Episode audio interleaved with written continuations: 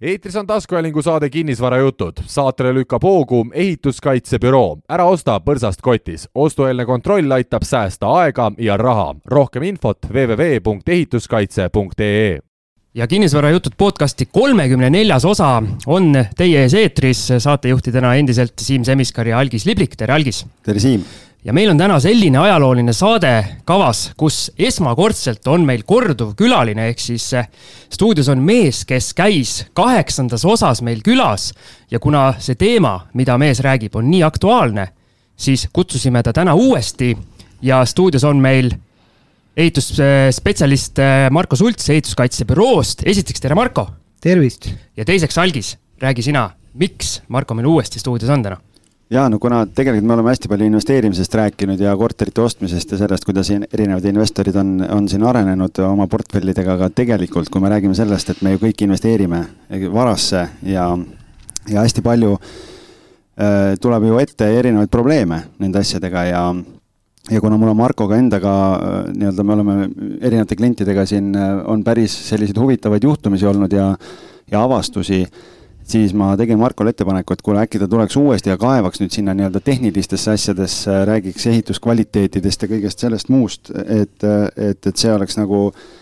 see oleks nagu hästi huvitav kindlasti kuulata, et natuke tehnilisemad saadet ka vahele ja, ja noh, mul on hea meel, et Marko on siin, nii et tere, Marko, minu poolt ka. tervist! latt on nüüd nii kõrgel, et ma ei tea, kas no, üle hüppan täna. meil ongi latt kõrgel kogu aeg, et siit, siit siis ongi, toome mugavustsoonist välja, et. Aga võib-olla, võib-olla Marko, kuna meil see kaheksas saade, noh, nii-öelda aeg on alati piiratud ja, ja olime suhteliselt nii-öelda pinnapealsed, et võib-olla võib-olla esimese teemana äkki noh, ma mõtlen, et võiks võtta nagu sellise olulise asja nagu garantiitööd. et äh, kui keegi ostab endale uue, uusarendusse korteri, siis, siis paari aasta jooksul sinna tekib igasuguseid põnevaid pragusid ja, ja kõiki muid asju ja ja võib-olla räägikski sellest, et äh, mida see üldse tähendab, et kui nüüd Siim ostab endale Vaida korterile vahelduseks nagu kuskil uusarendusse korteri. ühe asjaliku ja, objektiga. midagi normaalset nagu vahele. et äh, mis need garantiitööd tähendavad ja millega siis Siim arvestama peaks, et äh, äkki sa hakkad kaevama kuskilt otsast? No põrutame servast minema. Et äh, esiteks ma tahaks öelda, et meil see üldine ehituskvaliteet minu meelest viie viimase aasta jooksul on ikka noh, keskmiselt märgatavalt tõusnud. Samas on, äh, on sellised väga lihtsad asjad, millega igaüks peab arvestama, millest igaüks enam-vähem ka on teadlik, on see, et meil, meil tekivad erinevad praod seintesse, lagedenurkadesse, tavaline värk, äh, inimesel on ka selline info tavaliselt olemas, et see pragude tekke põhjus on seotud hoone ehitusjärgse vajumisega. ma siin natukene sellega nõus ei saa olla, et äh, sellised praod mõnikord võivad tekkida ka konstruktsiooni äh, nihetest, kuid enamasti on need praod tingitud ikkagi ehitusjärgsest kuivamisest, ehk siis et äh, mm, kui me vaatame ehitusprotsessi üldiselt, siis täna on see väga kiire, ehitatakse väga lühikese aja jooksul kõik asjad valmis, ehitusprotsessi niiskus on lõpuni välja kuivamata aga noh, kahe aasta jooksul, kui te elate korteris või uues majas, igal juhul see kõik juhtub ja praod tekivad, see on täitsa loomulik. et, et kuidas nüüd nendega siis käituma peaks, et äh, me oleme väga sageli kokku puutunud sellise asjaga, et inimesed soovivad justkui, et jooksvalt arendaja tuleks ja kahe aasta jooksul neljal korral parandaks vigu. et pigem äh, ma hindaks, et mõistlik on äh, mõistlik on ikkagi arendajaga kokku leppida, et siis garantiiperioodi lõpus esitatakse nimekiri võimalikest puudustest ja siis kõik puudused likvideeritakse korraga. et kui te panete ennast sellisesse olukorda, et äh, maaler käib teil aastas kolm korda maaletöid tegemas ja jätab, äh, jätab tuppa siis äh, pahtli lihvimist tolmu ja natukene määrdunud käejälgi seina peale, uskuge mind, tegelikult see ei ole väga tore, et noh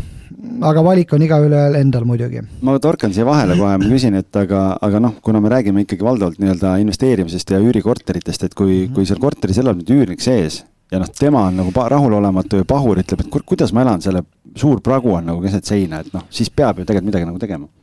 no nii on, äh, praktika näitab seda, et äh, ikkagi enamus äh, vähemasti selliseid jätkusuutlikke arendajaid, et nemad võtavad siis vahepeal ka midagi ette kui ikkagi klient on väga selgesõnaline ja oma soovides äh, kindel, siis äh, noh, praktika näitab, et need asjad, tööd tehakse ka vahepeal ikkagi ära, et ei, ei lasta seal kahe aasta lõppu või siis noh, väga sageli veel on nii, et kahe aasta möödudes inimene esitab oma, oma nimekirja töödest ja ja läheb veel pool aastat või kaheksa kuud, ennem kui asjad siis korda saavad, et ka see on täitsa tavaline praktika, nii et aga noh, mille, mille, millest ma veel sooviks rääkida, on võib-olla uusarenduste üks selliseid suuremaid murekohti siis veel märgruumide kõrval on aluspõrandad, et äh, algisega on meil kokkupuuteid nende aluspõrandate hädadega olnud siin korduvalt. Et, üllatavalt palju, ma ütleks isegi liiga palju. et mida, mida see siis tegelikult tähendab, et kui, kui näiteks betoonist aluspõrand on ebatasane, ehk siis, et ta ei ole meie ehitusnormi piires ehitatud ja, ja hälve on liiga suur, et reeglina tähendab see seda, et äh, põrandakate saab kannatada. kui me vaatame, et me kasutame valdavalt põrandakatteks parketti, noh, arenduste puhul äh, premium-arendused äh, kasutavad laudparketti või siis mingit puitparketti, lihtsamates arendustes võib-olla on põrandakatteks laminaatparkett, no vahet ei ole, ütleme, kui me lähtume sellest, et need parketid on ujuva paigaldusega, siis väga ebatasane aluspõrand tingib selle, et kahe aasta jooksul saab üsna kindlalt öelda, on äh, parketiklikid purunenud, ehk siis parketi ebatasasus ja, ja, ja praod on sedavõrd suured, et need ei vasta enam ühelegi ehitusnormile noh, meil on algisega siin kogemust ka uue korteri puhul, kuidas saab parketti nii paigaldada, et kõik on juba eos valesti, et äh, no kahjuks see nii on ja kui nüüd, kui me nüüd vaatame sellest vaatest, et inimene, kes pole ehitusega kunagi kokku puutunud, Äh, ta on emotsionaal, emotsiooni pealt omale korteri ära ostnud, ega ta oska seda vaadatagi, et tegelikult tal on õigus äh, küsida uut põrandat või, või õigus nõuda, et aluspõrand korda tehtaks. noh, see ei ole, ei ole tavainimese pädevuses ja see on täitsa normaalne, noh minu meelest, kui uusarendust ostetakse, siis ei, ei saagi midagi vaadata, sa ostad paberi peal kellegi ideed. No asi on tegelikult äh, täpselt vastupidi, sul on õigus, Siim, ma nüüd räägin nagu poliitikat aga tegelikult on täpselt vastupidi. algis võib kinnitada, et äh, võib juhtuda nii, et äh, ostad ühte, ühte majja äh, kolmteist äh, uusarendusse kolmteist äh, tutt uut korterit, millest näiteks kuuel või seitsmel tulevad kõik põrandad välja vahetada jah, et no, see on, mõtle, see on, kõik ju aeg. No. see on, see on praktika, eks ole. ja kui me räägime investeeringust, noh, lööme nüüd siis selle rahasse ringi, et äh, üks asi on see, et teatud aeg kulub siis äh, arendajaga vaidlemisele, teine asi on see, et kui me ostame investeeringukorterit, siis me peame lugema ka seda saamata jäänud tulu, ehk siis et äh, see aeg, mida keegi teine meie korteriga toimetab, noh, meil ei ole ju rentike seal, eks ole, et Exceli mehed oleme kõik siin, oskame arvutada küll, eks ole, et väga lihtne. mina ei oska väga hästi no algis oskab, ma tean no, si. Siimu puhul ei ole mõtet rääkida, noh, seal on. mul pole ka uusi arendusi aga noh, tegelikult nende põrandate juurde tulles ja tegelikult on äh, noh, mis mind hämmastas, no toon kohe selle ühe case'i lauale, siis ma ei hakka nimesid nimetama nimetama, kus see oli, aga, aga üks selline üürikorter, kus ähm, saime korteri kätte ja, ja põrandal olid mingid seitse milli või palju need vahed olid, noh silmnähtavad vahed olid sees. no ütleme nii, et üks koma kaks milli olid suurim, suurim vahe, aga see, see numbrina tundub äh, meile inimesena, et üks koma kaks millimeetrit on nagu imeväike. tegelikult lubatud tolerants on siis null koma kaks millimeetrit, mis on siis kuus korda väiksem ja, ma luban teile, et kui, kui keegi juhatab teid vaatama sellesse ühe koma äh, kahe millimeetrise parketiprao suunas, siis te saate kohe aru, et asi on valesti. Jah, et seal on tegelikult on lihtsalt see, et enamus inimesi ei, nagu Marko enne ütles, ei tea kontrollida või nad ei kontrolligi, vaatavad, et noh, võib-olla peabki nii olema, aga noh, tegelikult seal oli ka see, et noh, kuna mina olen kliendi esindaja, on ju, ja, ja, ja Markoga koos läksime siis korterit üle vaatama ja ja noh, mina ütlesin, et mina ei oska öelda, kas see on okei okay või ei ole, sellepärast mul ongi, ongi palgatud äh, nii-öelda teenus, et, äh, et tema oskab nagu öelda ja kui ma oleks läinud üksinda sinna, võib-olla mind olekski selles mõttes ära tinistatud seal, öeldud, et aga kõik on normi piires, sest arendaja äh, esindaja ütles, et kõik on normi piires. Noh, Marko läks, tõi oma mingi agregaadi välja kohe ja lükkas vahele, ütles, et mehed, vaadake noh, et rulli järgi on üks number, siin on nagu midagi muud, on ju, ja ja lõpuks oli see, et Äh, hakati rääkima sellest, et korteris õhuniiskus liiga madal, et mina olen noh, nii-öelda klient on süüdi, äh, sellepärast et äh, korteri nii-öelda õhuniiskus peab olema vähemalt kolmkümmend, Margo, kolmkümmend viis no niimoodi parketi tootja tegelikult annab selle numbri ette. noh, ühesõnaga kolmkümmend viis, nelikümmend kirvega öeldes, aga noh, et teil on siin, teil on siin alla kolmekümne on ju, noh, et umbes, aga noh, paari nädalaga nagu juhtub niisugune asi, et äh, ostad uue korteri ja siis äh, pole veel jõudnud, ootad garderoobi kappe ja asju, kedagi sees ei ole siis hakkad kohe ostma mingeid õhuniisutajaid ja asju, et see on sama, et näed, ostad Mercedese ja siis võtad lisakütusepaagi veel külge ja paned nagu taha, et äkki kütus saab otsa muidu vahepeal on ju, noh, et nagu või, või öeldakse, et noh, me kütust autosse ei pannud või kütusepaaki, aga ostke see nagu lisaks veel juurde, et noh, niisugune natukene jabur olukord oli. Noh, mida, mida meie, meie hindame iseenesest tegelikult siis seda äh, uusarenduse kinnisvara ja uusarenduse garantiiperioodi lõppu äh, suht sarnaste kriteeriumite järgi, et sa algis mainisid sellist sõna nagu rüll, et võib-olla kuulajad ei tea, siis siis äh, Eesti Vabariigis on äh, ehituse nii-öelda dokumenti, ehituse dokumentide hulka kuuluv selline norm nagu Soomest üle võetud ehitusnorm, ehk siis rüll, et seal on erinevad rüllid, sisetööde rüllid, tarindirüllid, nii edasi, et et see on, siis iseloomustab siis ehitusnormi, et see on meil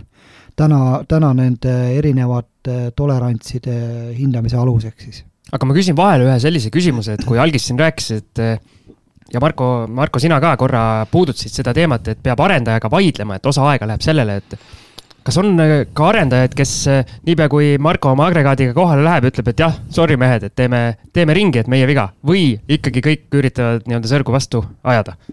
No Markol on rohkem kogemust, ma saan rääkida sellest portfellist, mis meil on, et arendajal ja arendajal on ikkagi vahe ja ühes osas nii-öelda ikkagi nii-öelda äh, kliendiga tegeletakse ja teises kohas nii-öelda üritatakse noh nii et ei peaks tegelema.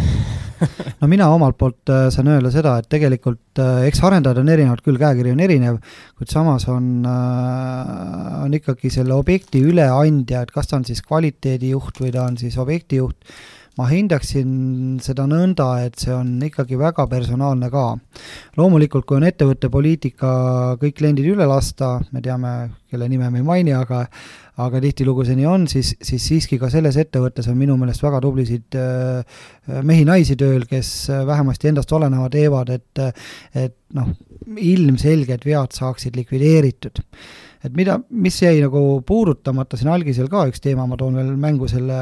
jälle ühe kulu, kulupoole, et kui me mõtleme selle peale, et äh, me räägime investeerimis kinnisvarast praegu laias laastus, eks ole, et noh, aga see puudutab ka lihtsalt elamukinnisvara, siis äh, kui ma elan korteris sees või mul on rentnik korteris ja arendaja tuleb kahe aasta möödudes korda tegema minu aluspõrandat, minu märgasid ruume, noh, märgadest ruumidest kohe räägime, kui te lubate veel, siin on olulisi no, teemasid puudutada. ja, ja tuleb teha maaritöid, siis äh, me peame olema teadlikud sellest, et mõnede tööde puhul tuleb siis kas klient või, või minul endal tuleb välja kolida, tuleb ka asjad kuhugi paigaldada, kas siis võtta mingi ajutine laopind rendile aga seda ju meil ei kompenseerita, et äh, sellest äh, siis võiks ka inimesed olla teadlikud, ehk siis see on see point, miks tasub võib-olla ka juba uut kinnisvara ostes äh, lasta asjad üle vaadata, et selliseid väga suuri ette planeerimata asju ei ole, et heakene küll, arendaja võtab selle aluspõranda ümber teha, aga aga mina pean selleks ajaks välja kolima. Või siis minu üürnik, kelle ma pean paigutama kuhugi teise kohta elama enda raha eest. lisaks jääb tulu ka saamata. Algis, kas sul on mõni selline, selline case olnud, te ju siin haldate, haldate päris paljusid kortereid, et kus on tulnud neid garantiitöid teha ja selleks ajaks üürnik on vaja kuskile mujale paigutada? Äh, õnneks ei ole veel äh, nii, nii drastilisi näiteid ei ole olnud, et äh, meil lihtsalt on kuidagi noh, kas siis osa korterid on veel nii uued, et pole garantiitöid tehtud või on teised teistpidi jälle üht, kuidagi ühtegi sellist ei ole sattunud, mis oleks sinna garantiitööde piiri peale nagu jäänud, et täna seda kogemust ei ole jah, aga noh, see on hästi oluline info ja ja hea teada, et peab valmis olema siis. No arendajatest veel kaks sõna no,. ma tahaks kiita ühte, ühte meie kõige suuremat ehitajat Eestis siis, kes on nimesid me ei pidanud nimetama, aga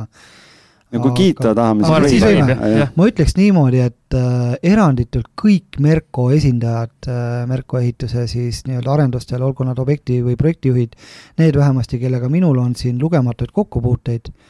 ma peaks ütlema, et vot, vot see on minu meelest nii, nagu meil turul peaks asjad toimima. selle asja nimi on koostöö.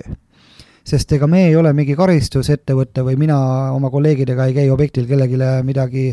noh, ma ei käi ju jalaga löömas kedagi, eks ole. aga, aga, aga siit on, siit on teisipidi ka, noh, miks ma selle ka mängu toon, et teisipidi on ka algise kaudu tulnud vist tagasiside, et äh, nad on isegi pakkunud meile varianti, et äh, et meie büroo inimesed võiks siis käia juba eelnevalt enne klienti, klientidele üleandmist, korterite üleandmist nõustamas. ehk siis see näitab, et me teeme ikka kõigil viisil asja ja, ja see näitab seda, et arendaja on päriselt sisuliselt huvitatud et asjad oleks kvaliteetsed ja, ja mis on noh, minu jaoks kõige suurem väärtus on see ikkagi, et nad peavad kliendi kasu silmas. noh, eks nad raha ka loevad loomulikult, aga, aga alati on kliendi kasu e esimene olnud ja minu jaoks on see selline, ma ütleks niimoodi, et täielik äh, äratundmine, et ma olen selle üle siiralt rõõmus ja ja minu, kirjutan alla. minu talupoja loogika ütleb see, et eh, kui sa pead kogu aeg silmas kliendi kasu, siis eh, lõpuks tulevad eh, need õiged numbrid sul ka nii-öelda võib-olla kuskil kaarega, aga tulevad need õiged nii-öelda kasuminumbrid ka tänu sellele, et sinu, sinu kaubamärk ongi heas hinnas turul. no muidugi, sest kui sa arvestad seda mahtusid ja seda mastaapi, no ma ütlen, siis tegelikult, kui sa ainult oma Excelis nagu näpuga järge ajad ja lõpuks klient selle tõttu nagu kannatab, siis see klient su juurde tagasi ei tule, aga, aga kui klient tunneb, et teda hinnatakse ja väärtustatakse, siis tõenäoliselt, kui sa tuled infoga, et kuskile mujale ehitatakse, siis see investor võib-olla tuleb su juurde tagasi, sellepärast et esimene kogemus oli nii positiivne lihtsalt. ja tulles selle juurde nii-öelda tagasi, et nii-öelda positiivseid asju võib ka nime, nimepidi nimetada, siis Eestis on see komme, et jube vähe kiidetakse, et ma arvan, et kes kiitust äh, väärivad, siis äh, neile võiks seda ka anda. no ja, ja see negatiivne tagasiside on alati, kellegi jaoks on ta nagu subjektiivne, noh, selles mõttes, et, et sellepärast võib-olla ei ole vaja nii-öelda näpuga näidata ja, ja noh, eks igalühel on omad kogemused, aga aga noh, kui me nii-öelda võib-olla tuleme nüüd selle juurde tagasi, et, et üks asi on siis see jah, et, et nii-öelda enne juba, kui osta uusarendust, et see, see nii-öelda see pool ära teha, siis me põrandate osa praegu nagu rääkisime, et aga räägime nendest siis nii-öelda märgadest ruumidest, et mis need peamised probleemid on, millega peaks nagu arvestama esimese kahe aasta jooksul, kui see nii-öelda garantiiperiood kestab, et mis seal vannitubades ja WC-des tavaliselt juhtub? Ma nüüd hakkaks veidi kaugemalt peale, et äh, mul on, mul tuleb nagu meelde algis, et te olete, sa oled vist ka esindanud oma klienti selliste korterite ostul, kus, äh, kus dušinurk käib äh, vastu ust kohe. tuleb tuttav teema, jah. mul nagu praegu tuleb lihtsalt silma ette, et äh, vot kuna tahetakse müüa iga ruutmeeter maha, siis minu meelest on sageli jäetud teatud normid täitmata, et tegelikult ei peaks olema nii, et kui me võtame dušinurga laiuseks kaheksakümmend sentimeetrit, et siis äh, see dušinurk lõpeb ukselengiga. et mil-, millele siis äh, noh, ütleme nii, et kui klient ostab uue korteri garantiiperioodil, on tegelikult äh, noh, ütleme nii, et kasutamise jooksul on kliendil kohustus paigaldada sinna klaassein. kui arendaja ei ole seda teinud, siis see on kliendi kohustus kui nüüd on selline olukord, et noh, ma, ma toon praktikast näiteid, et meil on siin hulga kortereid täna, mida me oleme nii-öelda garantiiperioodi lõpus üle vaadanud ja probleemid ei ole siis mitte, inimene ei, ei tajugi, et probleem on duširuumis või vannitoas, vaid probleem on esikus ja elutoas näiteks, sest kogu see vesi, mis läheb äh, ukselengi vahelt või siis lävepaku alt märkamatult parketi alla, sinna tekib elu, parkett on kahe aastaga täiesti hukas, aga, aga seda kahjuks ei saa lugeda vähemasti meie seisukoht on selline, et me ei saa lugeda seda garantiitööks,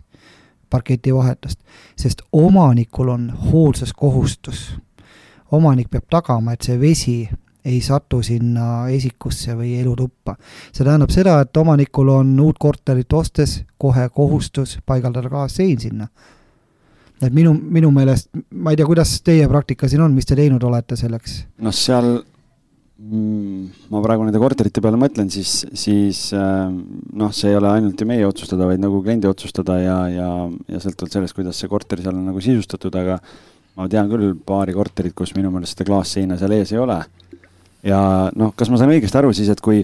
noh, toome näite, et, et see vesi nüüd imbub selle kahe aasta jooksul sinna põranda alla siis sisuliselt nii-öelda arendaja vaates see võrdub sellega, kui äh, Siim oleks valanud sinna potitäie vett sinna põrandale ja sellest tekib see pundumine või mis iganes asi või see, et, et ta läheb sinna põranda alla, et arendaja vaatevinklist vahet ei ole tegelikult, sest sina oled ise selle põhjustanud. no mina, mina täna näen küll seda sellise mätta otsast jah. et veel kord ma siin toon siis mängu selle, et kõik kuulajad ka aru saaks, et äh, et kui meie esindame oma klienti siis kinnisvara ostul või müügil siis me siiski ei ole oma kliendi poolt, et me oleme sõltumatu ettevõte, me, me vaatame, kuidas asjad päriselt on. ehk siis jah, sul on õigus, see teeb sama välja, kui Siim oleks valanud potitäie vett omale isikupõrandale. aga minul on küsimus, et äh, kas äh, selle korteri ostja, kas äh, keegi temale ütleb ka seda, et näed, et sinul on kohustus see sein sinna paigaldada, muidu võib juhtuda selline asi, nagu võib juhtuda no minu kogemuse järgi see on äh, nii ja naa. no vot, ma näen, Algis raputab pead, on väga nõutu näoga, sest Algisele pole keegi juba, midagi öelnud. ta juba loeb oma kolme korteri põrandakahjusid kokku, eks ole. ma juba mõtlesin jah, et kellele ma kirjutama pean hakkama. Algi, Algis juba, ma vaatan seal ehituspoest, vaatab parketti valib välja aga noh, eks see on, eks see on, äh, see on natukene sarnaselt, et äh, kui me võtame näiteks, et meile müüakse korter ilma köögimööblita ja, ja me laseme selle köögimööbli paika panna ja, ja laseme petsil siis torud ka ära ühendada ja sealt hakkab siis vett lekkima, eks ole et see on umbes samamoodi. ei no jaa, aga see on ju ostjale teada või aru saada, et kui köögimööblit ei ole, siis mm, -hmm. siis tal tuleb see panna, aga selline nii-öelda duši vahesein, kui sa ostad nagu sinu arvates valmis korterit, siis mm -hmm. sa ju ei pea sellist nüanssi teadma. no minul on kogemus selline, et vot ma nüüd ei tea, kas meil algisega ühistel objektidel sellist infot on antud, väidetavalt koduraamatud ju jagatakse või, või infomälupulga peal. kõik arendajad annavad, küsimus on, et äh, kui paljud, kui paljud äh, loevad automanuaali või kui paljud loevad oma mhm. kodumanuaali, et enamus inimesi hakkab seda vaatama siis, kui mingi probleem on aga ma saan, ma saan kinnitada, et ma Algisele olen seda infot andnud, et sellised ja, asjad juhtuvad. ja me oleme vaadanud ka, sest me peame olema ise võimelised äh, üürnikega suhtlema sellel teemal, kuidas mingisuguseid asju lahendada, nii et selles mõttes on, äh, on see oluline. et selline, see on jah, trikikoht natukene, aga see on üks selline märgade ruumide, ma ütleks, viimase aja projekteerimisfopaasid või selline, see on tõsine nagu tööõnnetus mu meelest aga ühesõnaga siis meie kuulajatele, kes seda saadet siin naudivad, üks suurepärane nii-öelda punkt, mis kasvõi üles kirjutada endale, et kui uusarenduse korterit äh, ostate, siis jälgige, jälgige seda aspekti ja kui vaja, siis küsige arendajalt üle. aga mis see, mis see soovituslik kaugus peaks siis olema dušinurgal uksest, et, et see, et seda ei peaks selle peale, et selle pärast ei peaks muretsema? no see nüüd sõltub ju põrandakalletest ja, aga ma, ma võin eksida, minu meelest on rullis isegi tegelikult selline äh, selline norm, norm välja toodud, küll on niimoodi, et, et rüll minu meelest ei reguleeri täna projekteerimist. Ma võin eksida, ma ei ole jurist, ma, ma selles ehitusõiguses väga tugev ei ole, aga kui ma õigesti aru saan, siis äh, projekteerimisnormid tulevad mujalt, aga rüll kehtestab asjad vähe teistmoodi, et alati need asjad ei käi kokku okei okay,, ja arendaja ütleb, et kõik on projekti järgi tehtud ja, ja nii on. ja meie kahjuks äh, oma ülevaatustel oleme, peamegi sellega nõus olema, sest äh, meie, meie ei saa tagantjärgi kontrollida ei seda, kas siis äh, kõik ehitusprotsessid on tehtud vastavalt seadusele, sest seinte ja põrandate sisse me ei näe. garantiiperioodi lõpuks on küll tulnud väga palju vigu välja, mis annavad meile infot, mis võib olla juhtunud. no siin võib-olla veel märgade ruumide üks selline, ma ütleks niimoodi, et üks suuremaid äh, probleeme, mis äh, Äh, noh, ma vist võin piirkonda võin ikka nimetada, eks ole, et siin äh, Rae vallas on hästi palju arendusi põldude ja lagedate väljade peal. Äh, siin on lausa kortermajade viisi ja ridamajade viisi on nõnda, et on ära vajunud märkade ruumide põrandad. Ja mida see tähendab, see tähendab seda, et see nähtav on siis näiteks duši, duširuumi nähtavates osades, silikon on ära rebenenud ja vahe seina ja põranda vahel võib seal olla poolteist, kaks sentimeetrit. ma just tahtsin küsida, et kas see kalle loodetavasti tekib õigesse kohta, vaata, et see noh, et kui muidu jäetakse kalle tegemata dušinurka, et siis on olemas vähemalt. et kui algis duši alla läheb, siis vesi viib tema ka alla. No, no aru, arusaadav, aga siin on, siin on veel sellised, sellised nüansid, et kui siin ei piisa ju ainult selle silikooni asendamisest, et et ilmselgelt on kogu ruumi hüdroisolatsioon rikutud, see tähendab seda, et kogu dušinurga noh, osaliselt siis seinad ja põrand tuleb lahti võtta ja ja tuleb, no see on, see on ikka suur töö juba ja, ja noh, see on ikka selline ebameeldiv töö, kui sul on siis äh, oma korteris või majas, ütleme, ainus duširuum või vannituba, no olgem ausad, noh okei okay,, noored inimesed käivad siin trennis, vanemad ka, aga kui sa trennis ei käi, kuskil duši all ka käia ei ole, tegelikult see on igavene tüütu. ärge jamage, ma homme lähen ühte Rae valla buumi ajal ehitatud maja, majas olevat korterit vaatama, pean kohe vaatama, kui palju nüüd põrandasse ära vajunud on. kui ma Siimule ütlesin, et see on minu meelest selle buumi aja, eelmise buumi aja üks esimesi maju on ju, siis Siim kohe küsis, kas seal on mingid probleemid, ma ütlesin, et noh, vaata aastaarvu. et, et, et jah, sihuke huvitav värk, aga, aga nende dušinurkadega seoses noh, tegelikult mul endal ka nii-öelda kogemus sellest ajast, kui sai Lätis ja Leedus käidud ja, ja seal korterid ostsime ja renoveerisime, siis ma mäletan, meil oli ka nii-öelda ehitusjärelevalve oli kogu aeg kaasas.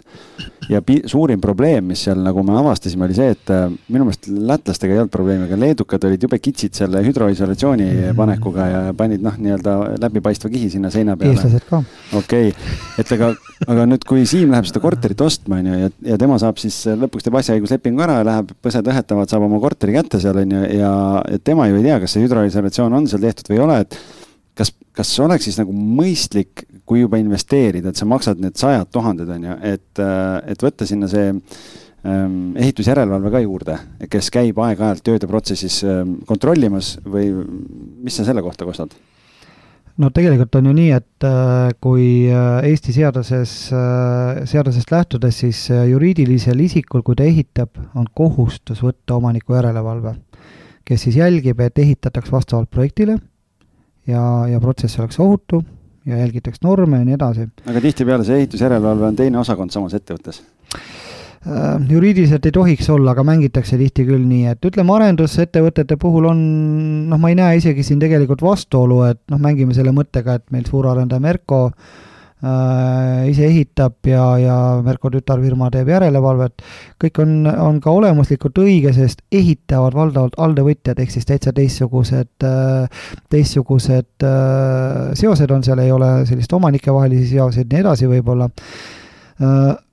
siis on ju kõik õigesti, ehk siis ehitusjärelevalve kaitseb otseselt omaniku ehk siis tellija huve ja, ja minu meelest siin ei ole midagi valesti. aga kui ma ise tellin nii-öelda olen arendaja rollis ja ise olen järelevalve rollis, aga ise ehitan ka, siis on olemuslikult asjad valed, sest äh, siis see ehitusjärelevalve roll on kuidagi vales kohas täiesti, et siis, siis ei tööta minu meelest. et endal nii-öelda üle õla vaadata on suht keeruline no võib-olla ei tahagi alati, eks ole, et äh, siin, siin ongi sellised nüansid, et äh, noh, ehitus, ehitusprotsess on tegelikult viimaste võib-olla paarikümne aastaga väga palju muutunud, et esiteks on kõik muutunud äh, optimaalsemaks, materjalid on väga palju paremaks läinud, normid on väga palju karmimaks läinud, noh, minu hinnangul, kui, kui täna ehitatakse selliselt nagu normid ja seadus ette näeb, siis tegelikult on võimalik ikka väga vahvaid hooneid ehitada. Okei okay., aga noh, kui dušinurkadest veel rääkida, siis minu meelest üks suurimaid probleeme, üks asi on põrandad, aga teine asi on ikkagi see, et kuidagi ikkagi nagu need kalded jäävad kuidagi väga väikeseks nagu, et mis värk sellega on?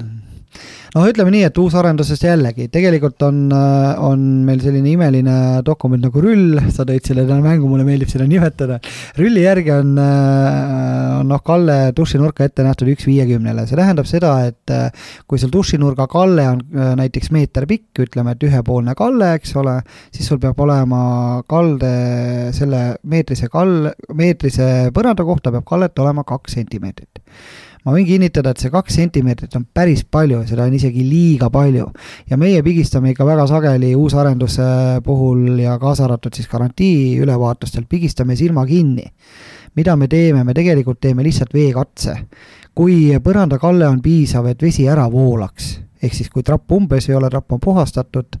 ja vesi voolab ära, siis ei näe mingit põhjust, miks peaks panema meetri kohta kaks sentimeetrit kallet, sest seda on, seda on tõesti palju, see, see on nagu ebamõistlikult palju, minu meelest siin see norm ei päde, seega veel kord, me küll ütleme, et me oma töös lähtume rullist ja, ja ehitusseadusest ja heast ehitustavast, siis no selle puhul me lähtume heast ehitustavast ja, ja ütleks, et arendaja on kaasa mõelnud sellisel juhul, kui kalle on väiksem, aga piisav, et vesi ära voolaks. Aga mis, kui sinu asi oleks seda rülli nüüd muuta, mis sina sinna numbritena sisse kirjutaks? Ma usun, et see võiks äh, täpselt kaks korda väiksem olla. sentimeeter meetri peale on tegelikult täiesti piisav. aga siin on nüüd jälle erisused, et äh, ma arvan, et äh, omal ajal rülli koostajad, Soome professorid ja, ja ehitusteadlased on siis tegelikult õige numbri saanud. sest kui me võtame, et tegu võib olla mingi keskpõrandatrapiga ja, ja, ja dušiala on väga väike, siis võib-olla selline norm, et sul poole meetri peale on sentimeeter, ongi vajalik. sest vastasel juhul enne, kui vesi jõuab ära voolata, ehk siis trapi vastuvõime, võtuvõime võime on sedavõrd väike, et see vesi valgub ennem laiali, enne kui trapp kõik vastu võtab, et. okei okay,, aga kui me nüüd äh, noh, vannitoad rääkisime ära, põrandad rääkisime ära, need seinapraod rääkisime ära, mis veel mingid sellised asjad on, mis sul praegu pähe kargavad, et mis sellised iga, igapäevased le, levinumad asjad on, mida sa seal kahe aasta järel, kui garantiitöid lähed kontrollima või neid mm -hmm. probleeme? Noh, me oleme siin, oleme siin igapäevaselt ju pakkumas sellist teenust ka, et me vaatame garantiiperioodi lõpus kortermaju ja, ja ridamaju üle, ehk siis äh, kõiki neid nii-öelda hoone enda tarvindeid et noh, sellega ja ka siis korteriga tegelikult käib väga hästi kokku äh, noh, akende probleem, et äh, no vot, nüüd on selline, selline asi, mida, ega me lahendust ei tea, aga, aga ma tõstaks selle hea meelega laua peale küll. hea mees, vaata, et tuleb ja räägib, on ju, aga lahendust ei paku, jube hea no,, lihtne elu. aus, aus, seda nimetatakse aususeks no ütleme nii, et tore oleks sinna saba kergitada, öelda, et mul on vastused olemas, aga kahjuks on nii, et väga sageli meil ei ole vastuseid, et noh, võtame, võtame siis selle Rae vallagi, kus on kortermajade viisi, on arendusi ja noh, neid nii-öelda ridamaju ja paarismaju ja ja kui me vaatame valdavalt, mis värvi aknaraame me näeme, et kui on plastikaknaraamid, nad on valdavalt siis kiletatud tumedaks. ja mis juhtub plastikuga, kui päike peale käib? see hakkab mängima, materjali enda paisumine on sedavõrd suur, et aknaraamid koolduvad ära mis sellega kaasneb, äh, noh, minu kogemus näitab seda, et on isegi selliseid juhtumeid, et et akentes materjali paisumine on sedavõrd suur, et kui on vile, viletsasti paigaldatud siis vaht,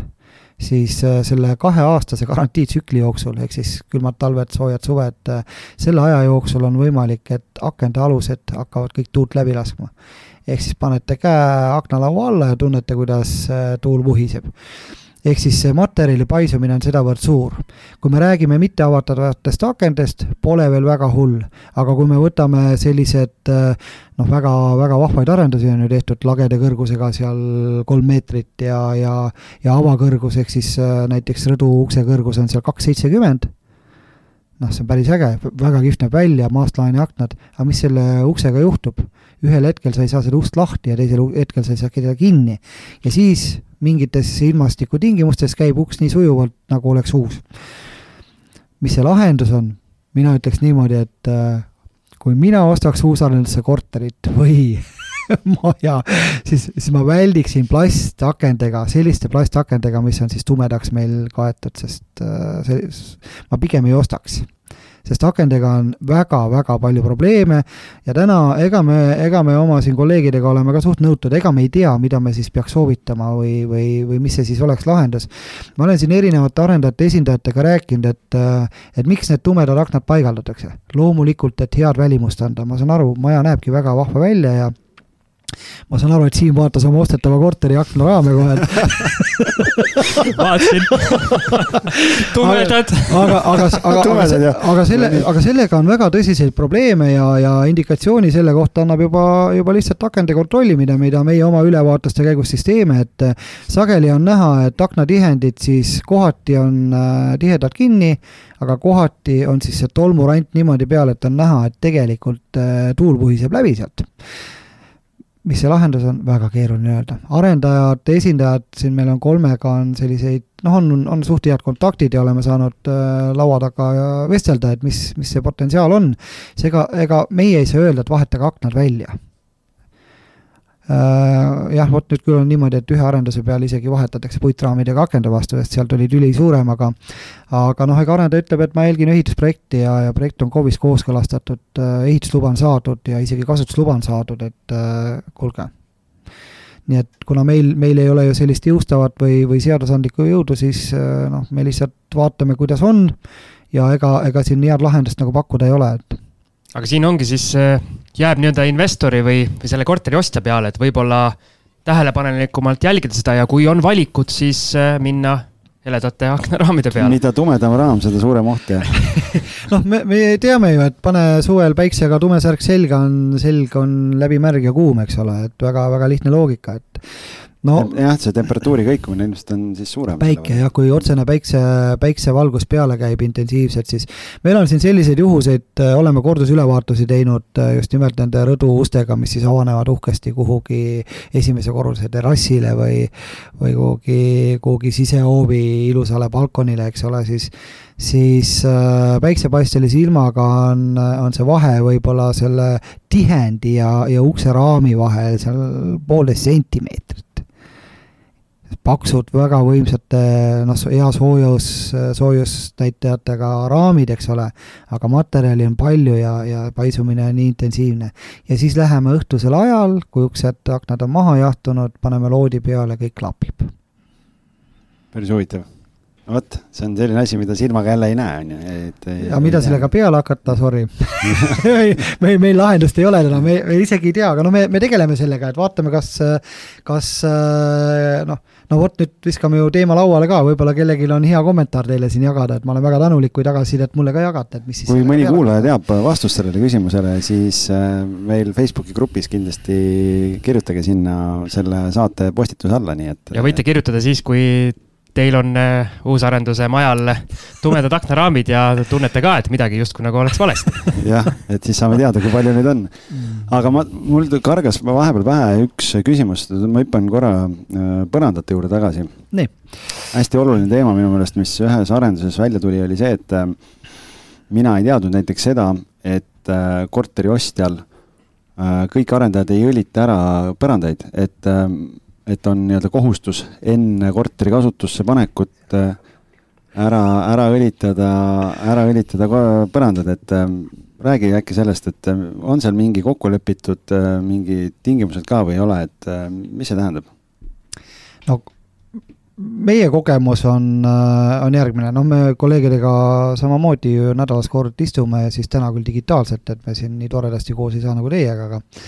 aga arutame erinevaid asju ja, ja noh, selline üldine, üldine tendents on siis selline, et äh, arendaja ostab äh, arendusse parketi, mis on tehase õlitatud. reeglina on see tehases õlitatud üks kord ja reeglina on informatsioon selline siis tootja poolt, et peale paigaldust on vajalik ühekordne õlitus. reeglina arendaja seda ei ütle ei ostjale ja, ja ei anna sellest ka infot, äärmisel juhul majaraamatusse kirjutatakse, et te peate kahe aasta jooksul vähemasti korra õlitama. ja see nüüd ongi see koht vist, mida sa, Algis, välja tõid, et see info nagu tegelikult ei jõua inimesteni. aga noh, mina vist sinu tähelepanu korra juhtisin sellele, probleem on selles, et äh, kui me kolime sisse ja me ei ole teadlikud, et me peame selle õlikihi maha panema, siis mõtleme korraks, et kui meil on elutoas diivanid ja, ja mingid telekaalused ja köök on sisse ehitatud, see õlitamisprotsess on üks igavene tüütu, noh, seal seda mööbli kolimist ja tekitame lisajälgi ja et äh, oleks küll aus arendajate poolt, kui see info konkreetselt siis antakse ikkagi inimesele, et äh, enne sissekolimist teil on vajadus kindlasti õlitada parketti minu meelest me rääkisime selles esimeses saates ka, vähemalt mina olen kuidagi seda juttu kuulnud ja no ma ei mäleta enam jah, ma ei ja. tea, Algis tõi mängu selle. Algise mälu ongi üsna kehva. meelde tuletab, sellel on hea mälu okei okay., noh, selles mõttes, et on oluline info ja, sest eh, minu meelest ma olen käinud klientidega vaatamas uusarenduste kortereid ja, ja, ja ostnud ju ka ja ma ei tea, et oleks nagu väga räägitud või tähelepanu juhitakse sellele. aga vaata, sina saad nüüd olla nii-öelda tippmaaklerina teistest eh, peajagu kõrgemal, et sina tead seda juba kohe siis eh, arendaja käest küsida. ja nüüd, kui ma veel jagan seda teadmist ka teistega ma ei tea, mis see staatus siis on, noh, see on pühak. kosmos aga ei, et see noh, see on hästi oluline, mul on hea meel, et see meelde tuli lihtsalt, sest, äh, sest äh, mingi kord jah, Markoga oli sellest juttu ja, ja see oli nagu arendaja juuresolekul ja see oli nagu päris oluline sihuke, meil käis päris kõva diskussioon äh, sellel teemal. Mm. -hmm, nii, üks asi viis, mis veel, et, et ma vaatan, et meil on siin aeg lippab hirmus kiiresti, et, et et võib-olla, et rääkida ka mitte ainult uusarendustest, et võib-olla uusarenduste koha pealt veel üks asi, mis mulle endale pähe kargab, on äkki korterist väljaspool olev, mis maja puudutab, et oskad sa sealt veel midagi välja tuua, ma ei tea, kas katused või, või vihmaveetorud või, või midagi, parkimiskohad, midagi, mis on oluline teada? no ma võib-olla võtaks väga üldiselt kokku, et äh, mis on meie uusarenduste võib-olla siis nende välisosade kõige suuremad, äh, suuremad probleemid, et äh, mm, meil ehitatakse väga palju lamekatuseid. Noh, see on lihtsalt projekteerimise üks nüanss, eks ole, ja ehitamise üks nüanss, et et kuigi minu isiklik arvamus on, et selline isegi mõõduka viiluga, kas või ühepoolse viiluga katus sobiks meie oludesse paremini et mida see endaga kaasa toob, reeglina on lamekatustel siis parapetid, ehk siis need ülemised katuseservad, mida inimesed näevad või kuulevad. reeglina üks suuremaid inimesi häirivaid muresid on siis see, et need parapetiplekid ehk siis katuseservade peal olevad plekid teevad häält. ja need võivad teha häält niimoodi, et kolmekümne kuue korteriga majas teatud äh, suunast puhuva tuulega mitte keegi öösel magada ei saa ehk siis äh, teatud tehnoloogia, kuidas need äh, parapetiplekid on paigaldatud, on vale teine asi on see, et meil on siin mitmes arenduses selliseid kogemusi, et need äh, projekti järgi ehitatud katused ehitatakse ümber. sest äh, ei ole arvet-, ei ole arvestatud siis projekteerimise käigus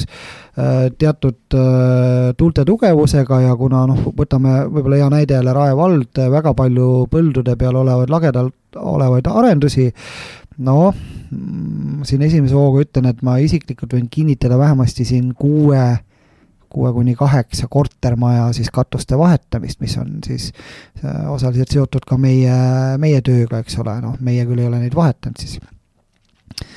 et siis on, äh, et ega ei ole päris nõnda, et me läheme kohale, ütleme, et katust tuleb vahetada, et me saame, kui, kui me tuvastame ära, et on teatud tüüpi vead,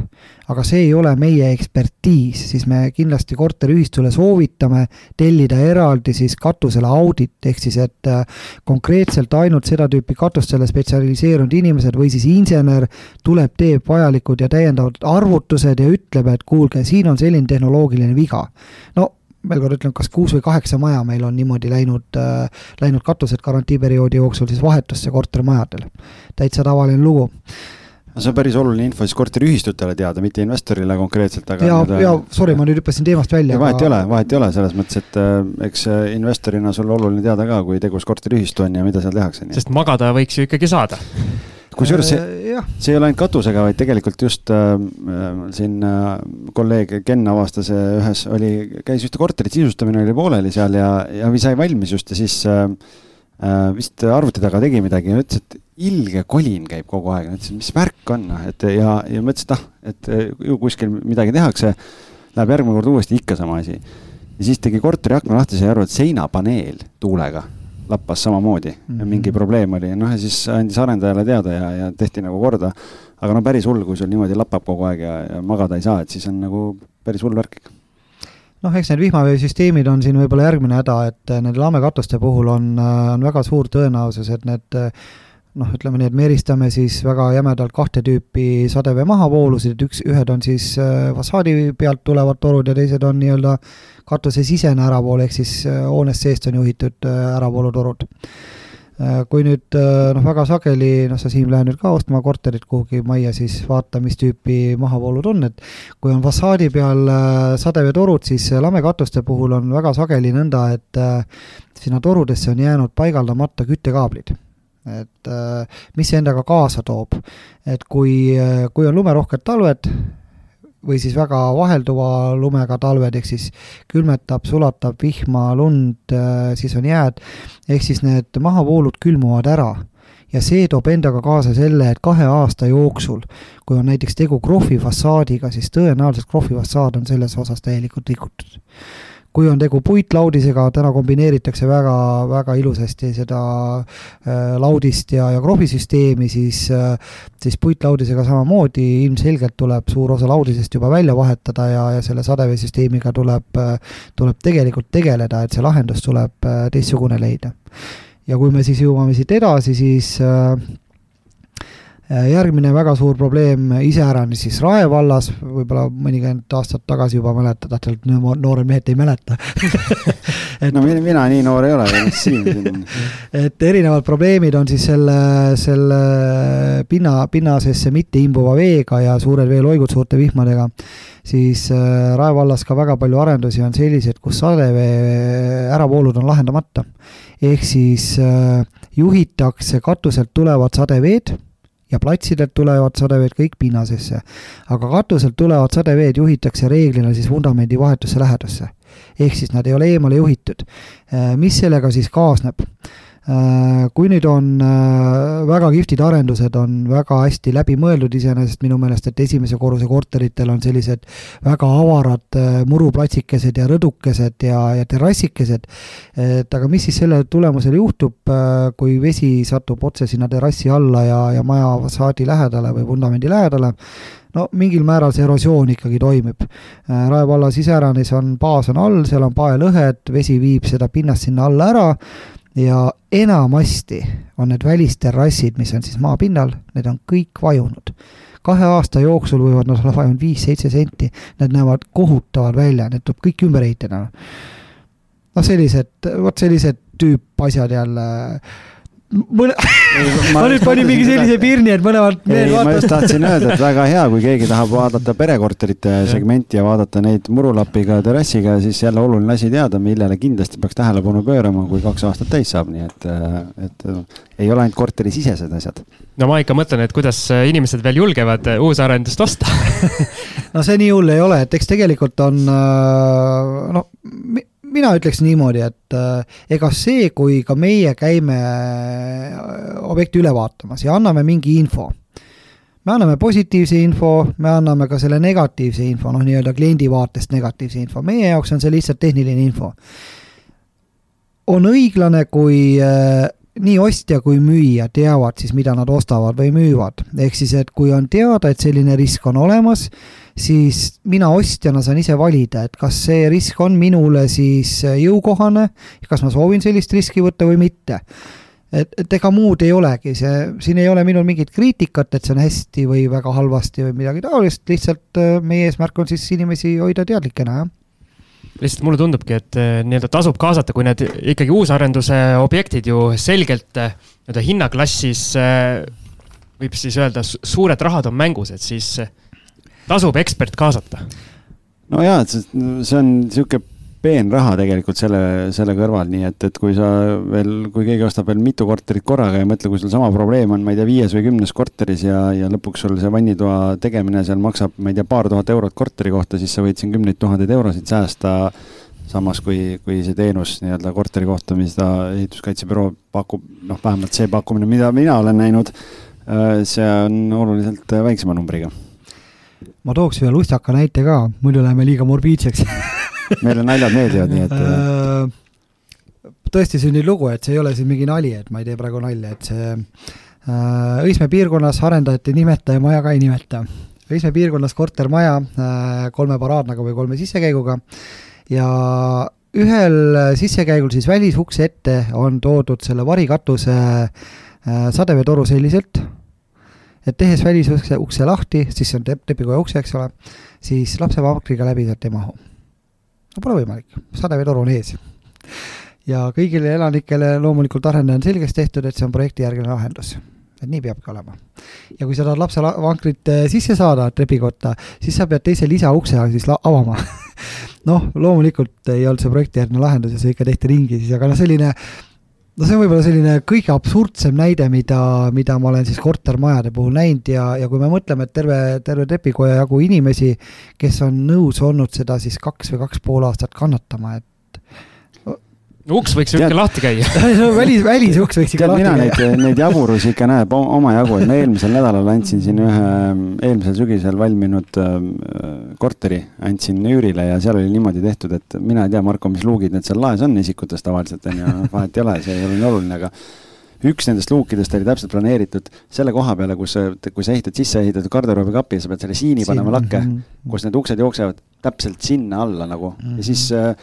klient oli arendaja kohale kutsunud, nagu küsinud, et noh, et mismoodi te nüüd mõtlete, et ma lahti saan selle luugi, siis nad ütlesid, ei no ega teil tõenäoliselt ei lähegi seda vaja nagu. Come on, noh, selles mõttes, et kuidas sa projekteerid niimoodi või nagu teed, et noh, see ei ole normaalne, et ja neid jaburusi näeb nii palju, kus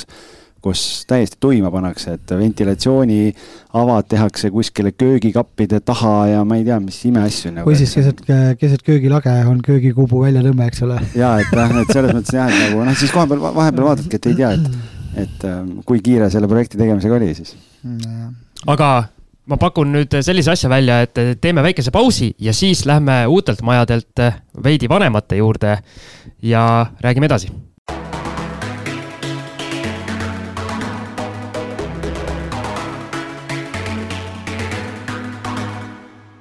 enne kui läheme tagasi põneva saate juurde, siis tahame teile öelda, et Kinnisvarajutud kollektiiv on tegemas oma esimest live-üritust, mis leiab aset esimesel juunil. täpsemalt saate lugeda selle ürituse kohta meie Facebooki grupis Kinnisvarajutud, kus leiate ka informatsiooni eelregistreerimise kohta. registreerimisel anname eelise oma Patreoni toetajatele. meie toetajaks saab hakata nagu ikka patreon.com kaldskriips kinnisvarajutud veebilehel kui te sellele konkreetsele üritusele ei mahu või tulla ei saa, siis ärge muretsege, sest Kinnisvarajutud plaanib korraldada sarnaseid live-üritusi ka tulevikus. selleks, et saada informatsioon kõige kiiremini kätte, püsige ikka liige meie Facebooki grupis Kinnisvarajutud. täname tähelepanu eest ja tagasi saate juurde.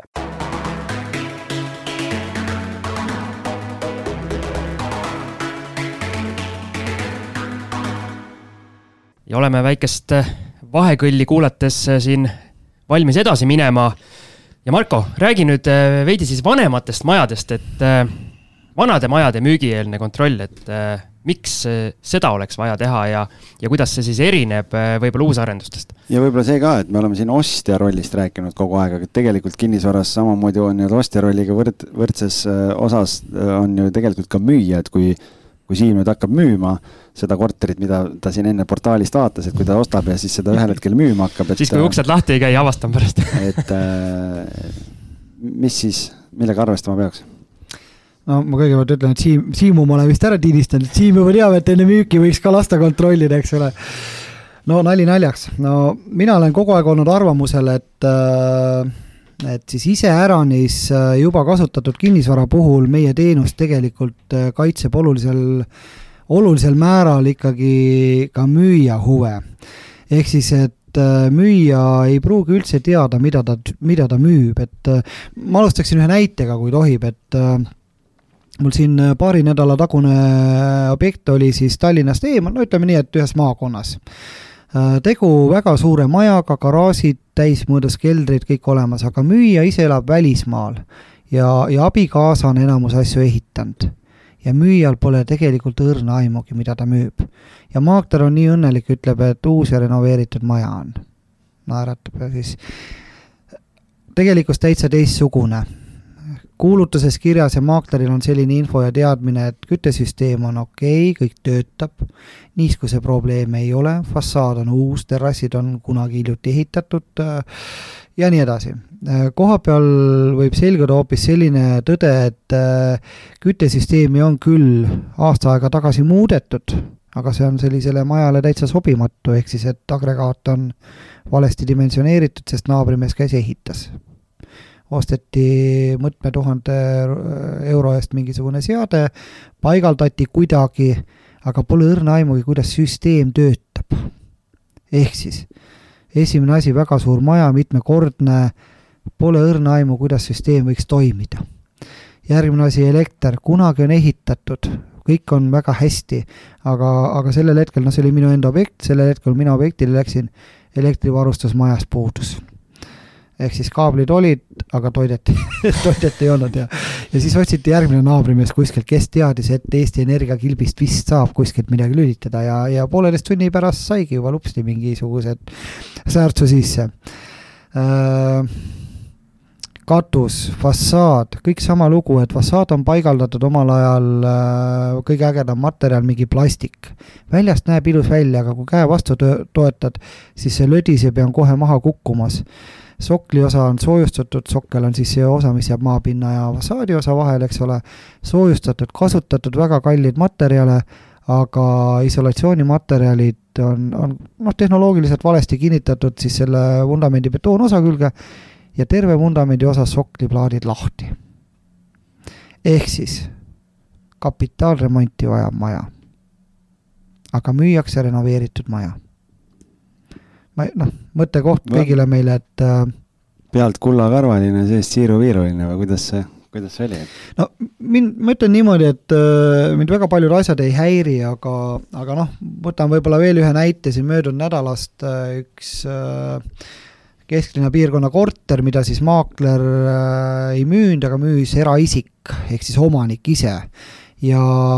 väga ilusad pildid olid teinud, et pildi peal, noh, okei okay,, ma küll sain aru, et millega on enam-vähem tegu seal juba kuulutuse järgi, aga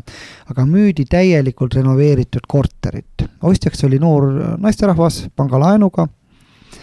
ja, ja kui me ülevaatuse ära tegime, siis ta nuttis, ta oli nagu nii õnnetu, ütles, ma tegelikult aimasin, et midagi vist on vussis, aga noh, ma tegelikult tahtsin renoveeritud korterit. ehk siis umbes kümme aastat tagasi tõenäoliselt on keegi ise teinud remonti plaadivuugid ei jookse, plaadid ei ole isegi ühetasaselt ja äh, aluspõrandad on sellised, et parkett on igalt poolt purunenud, no nii ebatasased. kasutatud selliseid lahendusi, et äh, noh, võib-olla siin on mingi rahvuslik eripära ka, aga ma ütleks, et äh, noh, mina niimoodi ei teeks ise, et isegi kui ma ise ehitaks. ja, ja inimene,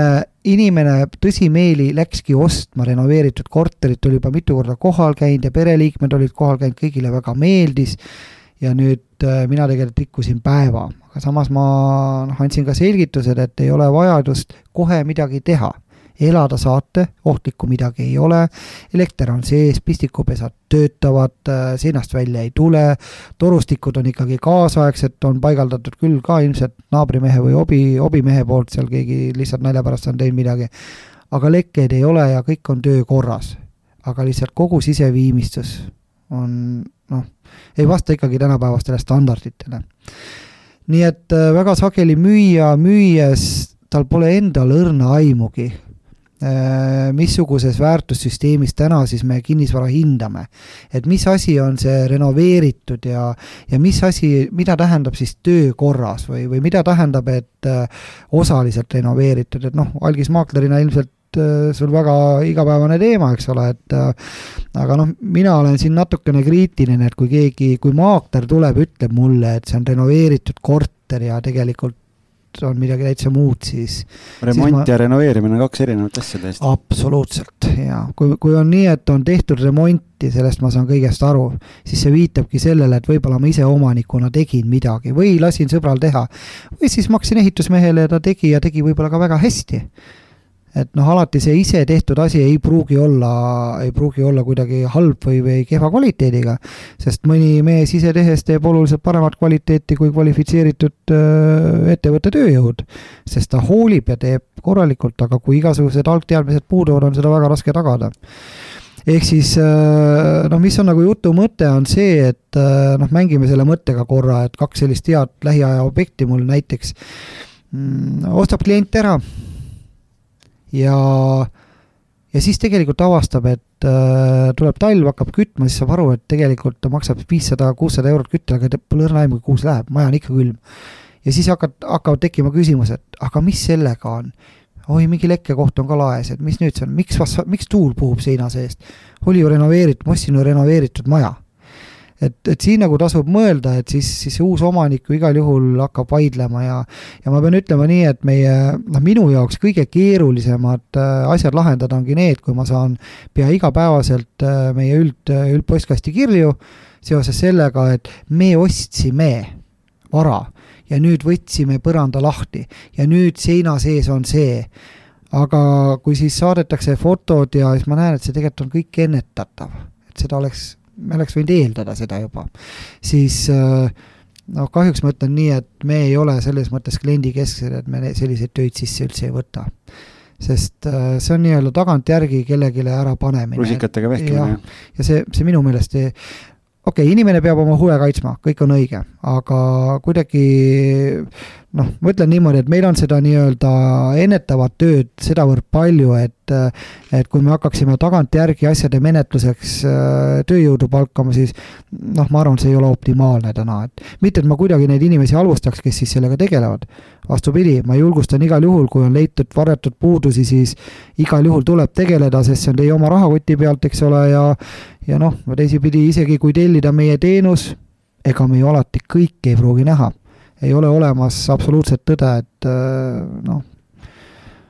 aga kui me nüüd räägime, võtame Siimu on ju ja Siim on oma korteris täieliku remondi ära teinud ja paneb selle korteri müüki, et äh, ja täpselt just see, et noh, kui me räägime varjatud puudustest, siis võib-olla Siim ei teagi, et tal need puudused seal on, Marko ostab selle korteri ära,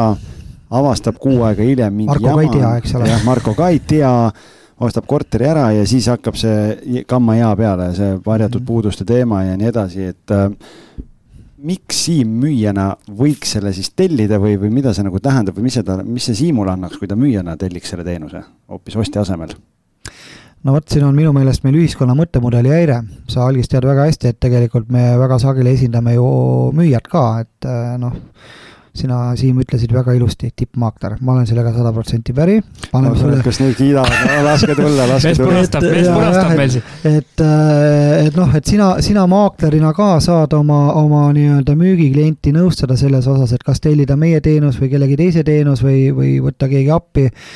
ütleme nii, et on vaja adekvaatset hinnangut. kui, kui Siim ise on seal ehitanud või on ehitusmehed võtnud, tal on emotsionaalselt endalegi raske tunnistada, et midagi on vussi läinud ja ei näe. mina ütleks nii, et kõige sagedasem on see, et noh, võtame nii, et ma elan kümme või viisteist aastat samas kohas, võib-olla veel rohkem. minu jaoks on kõik töötav, funktsioneeriv. ma isegi ei märka enam, et see vetsulüliti ei tööta, et ma pean seda kuskilt teisest kohast lülitama. ma isegi ei pane, noh, mulle ei tundu üldse imelik, et ma küttesüsteemi pean käima, ma ei tea, keldrist reguleerimas, kui mul on liiga palav või liiga külm et, et toetad, toetad õlaga uksele, et saaks et võtmega laakri. kinni keerata. ja, absoluutselt, ma isegi ei märka, sest see on, see on minu igapäevaelu osa ja seetõttu on see nii-öelda kõrvaline silmapaar igal juhul väga teretulnud ja võib-olla keegi, kes oskab ka öelda, et äh, nüüd on äh, noh, nüüd on sellised ja sellised asjad, et, äh, et nendele noh, arvestage sellega, et, et müüa kohustus on teatada kõikidest puudustest, mis on talle teadaolevad aga me emotsionaalselt, me isegi ei tule selle peale, et need on puudused, mida siis ostjale teatada, et see on nagu üks põhjus. ega meie raport äh, sisult ei erine mitte kuidagi sellest, et kas meie klient on ostja või müüja. meil on täna, noh, siin on tublisid maaklereid, kes, kellega me igapäevaselt koostööd teeme ja, ja siin äh, viimane tore, tore selline jõudis, tuleb kõva häälega rääkida, Saaremaal üks suur tehing, üks suur mõis müüdi, et seal oli nii ostja kui müüja oli meie klient, et siis telliti üheskoos. jällegi minu meelest äh, väga eluterve ja kuidagi mina ütleks niimoodi suured kiidusõnad siin maaklerile, kes, äh, kes selle tehingu suutis sellisel viisil ellu viia, et nii ostja kui müüja said aru, et mõisakompleksi ülevaatus, no sellest ei piisa, et tuleb ehitusmees lihtsalt käib paamriga kohvib, eks ole, et äh, noh, sellised, sellised kogemused ka. et siis kulu jagati pooleks, jah? kulu jagati pooleks. aga algis, ma sinu käest küsingi, kas äkki peaks äh, tegema teadvustustööd just maaklerite hulgas, et äh, maakler pakukski nii ostjale kui müüjale välja selle variandi, et jagame kulud pooleks kutsume eksperdi, vaatab üle ja siis on nagu kõik pooled on äh, nii-öelda süda rahul ja saab selle tehingu rõõmsalt ära teha. ei no muidugi, selles mõttes, et ega see maaklerina minul ei võta ju tükki küljest ära. see, kas nüüd ostja või müüja seda nii-öelda tahab või ei taha ja päeva lõpuks on ka see, et kui, kui üks osapooltest lõpuks siis selle teenuse tellib, noh siis äh, noh, võib ju ka üks, kui teine ütleb, et ma ei ole nõus maksma, noh siis võib ka ainult üks pool tellida ja, ja selles mõttes loomulikult, et. Äh, aga kui et, müüja pole nõus, siis kas see ei ole juba mingi selline? ei muidugi, sealt viskab juba kohe alarma ülesse, kui müüja ütleb, et aga mina ei taha, et siia mingi kontrolli tullakse tegema, noh siis, siis võib juba vaadata nagu selle pilguga, et aga mida siis varjata on, on ju, noh muidugi jama on see, kui minu enda müüdava objektiga peaks nii juhtuma, on ju, noh siis see on nagu järgmine küsimus, et mida siis teha, et noh. kuidas tippmaakler selle lahendaks? no siis ma lõpetaks selle lepingu lihtsalt ära, sellepärast et noh, pole mõtet müüa, et, et et minu nimi ja, ja vastutus on ka seal mängus, nii et, et äh, ei saa, sest noh, nii nagu Marko enne ütles, et äh, omaniku kohustus on informeerida ostjat varjatud puudustest, siis tegelikult maakleriga on samamoodi, et äh, mina pean teavitama, kui on ja lihtsalt küsimus on selles, kas omanik räägib mulle või ei räägi, seda, selle üle mul kontrolli ei ole. aga noh, näiteks praegu ma müün ühte korterit, seal korteris on olnud, seal majas on olnud näiteks prussakad kunagi ja mina kõikidele ostjatele ütlen, et see ei ole täna aktuaalne probleem, aga te peate olema teadlikud sellest, et majas on olnud, tehti tõrje ära, enam probleemi ei ole, aga notarilepingusse läheb see punkt sisse, et te olete informeeritud, et selline asi on olnud. et äh, kui see pärast välja tuleb, siis, siis võib olla natukene kehvasti äh, olete te mõelnud, et see meie üldine kinnisvaraturu situatsioon vajab natukene korrastamist äh, siis igas mõttes, et, et kui ma Mark, Marko hakkab sissejuhatust tegema järgmisele saatele meil, sest meil järgmine saade on maakleritest, nii et. on, ma, ma seda ei teadnud, aga no, no hea, hea teema ikkagi, et no ma ühe mõtte veel äh, tõstaks laua peale, et äh, kogemuse järgi saan öelda, et väga paljud meie kliendid on, on maaklerites siiralt pettunud. et kõige suurem see pettumuse põhjus on just nimelt see, et kui meie teeme ülevaatuse ära ja, ja anname siis kirjaliku raporti ka kliendile üle, siis siis äh, klientide tagasiside on selline, et aga miks see kuradi maakler mulle ei öelnud? no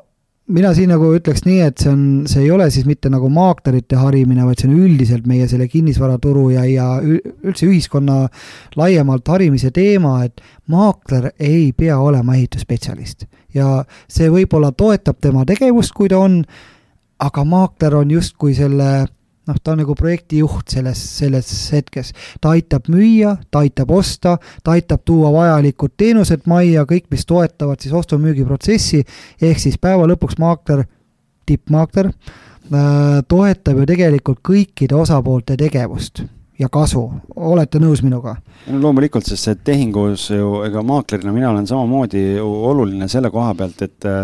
et kui mina olen selle tehingu vahendanud, ükskõik mis jama sealt välja tuleb äh,, ega mind seotakse ka nagunii sinna sisse, sest on olnud korterid, kus on varjatud puudused välja tulnud ja siis ma olen seal sees, ega ma ju pead liiva alla ei pane, vaid siis ma olen seal kommunikatsioonis sees ja, ja üritan ka aidata mingeid lahendusi leida, nii et, et äh, igati normaalne nähtus mu meelest aga et, et siis algis ennast maaklerina liiga hästi ei tunneks no, no nali naljaks, nüüd ootan, mis juhtuma hakkab. no tegelikult on nii, et äh, mu oma kogemus, isiklik kogemus on selline, et enamasti maaklerid, kellega me veel koostööd teinud ei ole, on sellel hetkel, kui me objektile jõuame, hirmust kanged. sest neile tundub, et me kohe keerame nende diilid noh, vot see on see, et ma, ma ei saa nagu sellest aru, ma ei saa. aga oled nõus, et nii on, see on.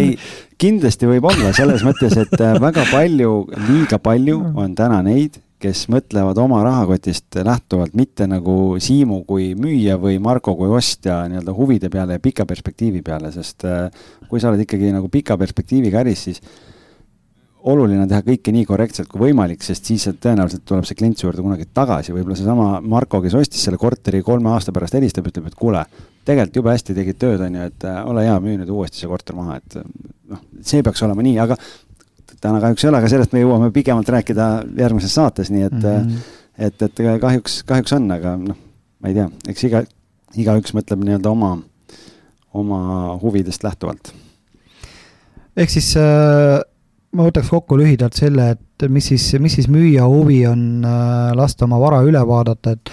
äh, ei saa ju eitada, et väga paljud inimesed ongi väga teadlikud, mis, mida nad siis müüvad, aga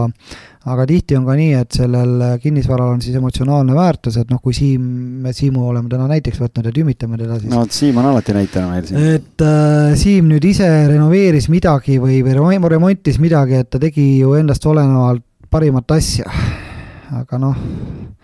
see vist venelased ütlevad, neil on hästi kihvt väljend selle kohta, eks ole, et püüdsime, püüdsime, aga välja kukkus. nagu alati. hea, et sa eesti keeles ütlesid, sest ma ei räägi vene keelt. ahah, no ma aimasin jah ja. aga, aga sellest, sellest tulenevalt siis noh, sa ei panegi tähele, et võivad olla need vead või, või võivad mingid puudused olla. ja aga see teisipidi ei tähenda seda, et, et midagi oleks valesti lihtsalt ostja peab olema sellest teadlik, et need asjad ei vasta mingitele normidele või et asjad on potentsiaalselt äh, tulevikus põhjustamas mingisuguseid äh, tõsiseid äh, kahjusid, mis noh, erinevad, mis toovad siis kulu kaasa, noh. sest päeva lõpuks me taandame ju kaks asja, kõik on kas emotsionaalne või rahaliselt mõõdetav. no aga võtame siis ette, nii-öelda kui minu peale siin jutt nii konkreetselt läks, siis mul oli hiljuti selline olukord, kus ma nii-öelda remontisin Kehras ühe korteri ära ja müüsin, nii ja mina tegin nüüd niimoodi, et äh, müügi puhul ostjale ma rääkisin sisuliselt äh, nagu detailselt ära kõik, mida mina teadsin sellest korterist äh, selleks hetkeks, kui ma selle kätte sain ja pluss, mida mina tegin. kas ma tegin kõik õigesti või ma usun, et sa tegid kõik õigesti, sest sa tegid nii, nagu sa oskad. ei teinud aga, tegelikult, sest Marko, Markot ei tellinud. ei, ei, absoluutselt mitte sellest ei räägi ma. ma räägin lihtsalt sellest, et kui äh, kogemus jälle kui mina lähen klientidega objektile, reeglina kui klient ei soovi meiega koos ülevaatusele tulla, siis me palume, et ta tuleks ise või tema esindaja tuleks vähemasti, sest väga palju küsimusi tekib. üheksakümmend protsenti sellest jutust või sellest infost, mida me kliendile objekti peale anname, ta unustab ära sest ei ole seoseid. Äh, sina, Siim, tead juba ehitusest ja, ja noh, algis seda enam, eks ole, kõik, mida räägitakse ehituses, ehitusest või ehitusega seoses, see tekitab teil mingisugused seosed, teil on eelteadmised. aga inimene, kes kuuleb, äh, ma ei tea, kahesüsteemsest boilerist või, või, või vesipõrandakütte regula-, reguleerimissüsteemist esimest korda, ta küll võib sellel hetkel aru saada, aga homseks on see meelest läinud, sest see ei ole tema, see ei ole teadmistes veel sees. ja seetõttu on kõik, mida sa minu meelest müüjana räägid, see tegelikult peaks olema kõik kirja pandud. ma ei tea, Algis siin oskab kaasa rääkida, kas, kas ma näen asja kuidagi viljakalt või? Ei, ei, ma ei, ma ei näe nagu. et olgu see siis meie e-kirjana või, või olgu see siis lepingu lisana kuidagi määratud, et minu hinnangul see võiks, võiks väga palju probleeme ennetada, jah. mida täpsemini see formuleeritud on, seda, seda parem on selles mõttes ma siis äh, võin öelda, et ma tegin pooleldi, tegin Lõikas õigesti, kuna kuna meil osa, osa nii-öelda suhtlusest käis e-kirja teel ja mingid asjad Aha. said sinna kirja pandud, et näed, et äh, kogemata saab ka mingeid asju õigesti tehtud. No eks see on, eks meie selle, me võiksime teha lihtsalt äh, objekti ülevaatuse, aga selle raporti, raporti üks mõte, mille me siis kliendile peale ülevaatust koostame, ongi see, et äh, me, me tegelikult ise ka ju ei mäleta, vaatame fotosid küll arhiivist, aga me tegelikult ei mäleta. ja kui on, äh, kui see on kõik kirja pandud, siis kliendil on võimalik aasta pärast ka vaadata, et äh, et mis see probleem oli ja kas mul üldse on põhjust minna nüüd äh, müüja vastu või ostja vastu kuidagi seal sõdima, et äkki ma ikkagi midagi unustasin ära ise. ja minul on veel selline küsimus või selline mõte siia, et seda juttu kuulates kohati võib nagu tunduda, et kui sa ostad objekti või müüd objekti, siis see peab olema igal juhul ideaalses korras aga tegelikult see ju nii ei ole, et kui müüakse vana korterit, siis näiteks kui sina käid seal äh, korteris ära, Marko, ja teed oma selle nii-öelda nimekirja, mis valesti on, siis tegelikult ju kui ostja teab ja müüja teab, et sellised puudused on ja hinnas see kõik kajastub, siis tegelikult ju mõlemad pooled võivad olla rahul, mis siis, et müüakse objekt, kus äh, on selgeid puudusi, mida hiljem tuleb siis likvideerida. no sa võtsid nii ilusasti kõik kokku paari lausega, ma ise ei oleks paremini osanud okay., ma ei oleks paremini osanud. ajakirjanik, noh. jah, aga noh, siin, siin ma toon siis, siis mõne täpsustuse juurde, et et kui me oma raportit koostame kliendi jaoks, siis, siis meil on sellised erinevad kriteeriumid, ehk siis me toome oma raportis välja põhimõtteliselt noh, sa nimetasid neid vigast, vigadeks või puudusteks, eks ole. meie, meie toome siis välja soovitused ja toome välja esmatähtsad remonditööd. et kui me räägime vanast, vanast kinnisvarast, siis äh, soovitused on sellised, et äh, noh, näiteks, et äh, kuna põrandakütet distantsilt ei saa reguleerida, et siis soovitus on paigaldada distantsjuhtimissüsteem, ehk siis need ajamid kollektoritele ja, ja, ja siis juhtpuldid ja nii edasi Äh, või siis soovitus on selline, et äh, aknaraamid väljast, äh, puitraamid väljast värv koordub, eks ole. meie soovitus on, et aknad tuleks, raamid tuleks puhastada, uuesti värvida. kui me räägime esmatähtsatest remonditöödest, siis me saame öelda näiteks, et noh, duširuumis segistiühendused lekivad või ma ei tea, katlamajas on Äh, noh, ma ei tea, katlamajas on samamoodi mingi leke või mingi torustik on kohe, kohe riknemas või mõni pump ei tööta, mis on eluks vajalik, eks ole. et see on esmatähtne, esmatähtis, sest see võib kohe lähiperspektiivis kahjustada hoone kasutamist või siis korteri kasutamist et nagu erineva, erineval tasandil need äh, nagu siis probleemi hinnang või, või, või, või hin, noh, hinnang sellele, mida siis tuleks teha et need soovitused on ikkagi selle mõttega, et inimesele anda siis natukene informatsiooni, et kui see aluspõrand on nii lääpas või nii kõver või lainetab, et parkett on katki, noh, nii-öelda kasutatud korteris, siis meie ei ütle, et see on esmatähtis remonditöö. kui ta ei ole tervisele ohtlik ja teda on võimalik kasutada, siis me saame äärmisel juhul anda soovituse, juhul kui noh, planeeritakse põrandakatte vahetust, siis sellisel juhul soovituseks on aluspõrand eelnevalt tasandada no selliselt me lahendame siis äh, vana korteri neid äh, hinnanguid, eks ole, noh. ma ei tea, kas on see nagu arusaadav selgitus, et. no Siim noogutab, et vähemalt no, näiliselt tundub, et sai aru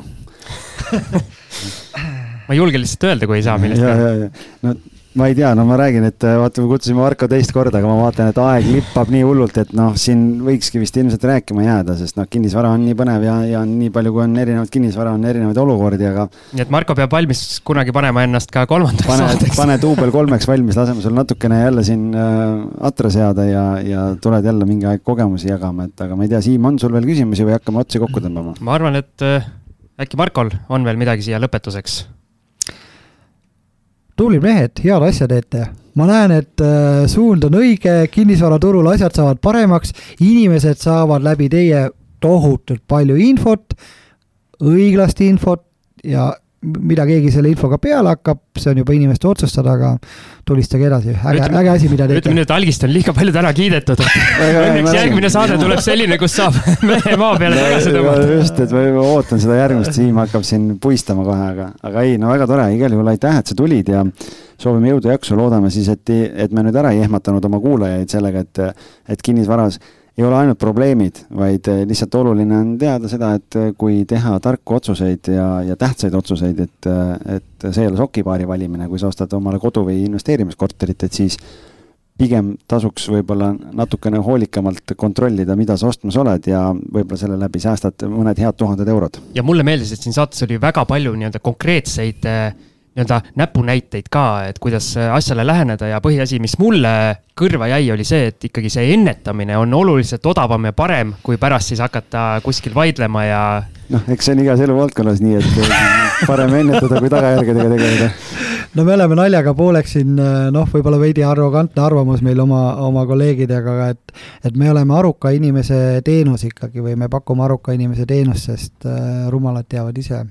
aga Marko, ütle siia lõppu, kui suur protsent kinnisvaratehingutest teie teenusega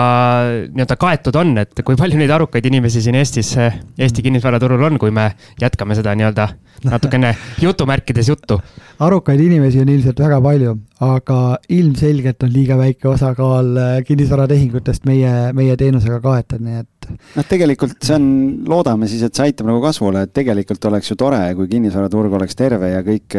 kõik tehingud saaksid selle kaudu tehtud täpselt nii, nagu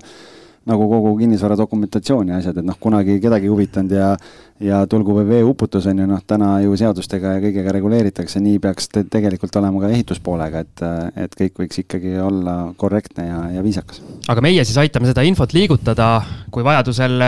või kui vaja on, siis teeme ka kolmanda ja neljanda ja viienda saate ja kindlasti vaja on aja jooksul. Aga meie täname, Marko, sind, et sa olid jälle valmis siia stuudiosse tulema ja, ja nagu sa ütlesid, et meie anname siin podcast'is ausat infot, siis meie aus info ikkagi pärineb meie külalistelt, ehk siis me täname kõiki külalisi, kes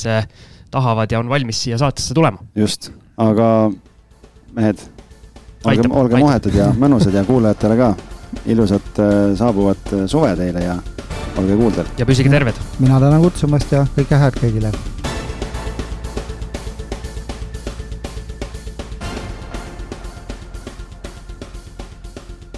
kinnisvara ostueelne kontroll aitab säästa aega ja raha. vaata lisa www.ehituskaitse.ee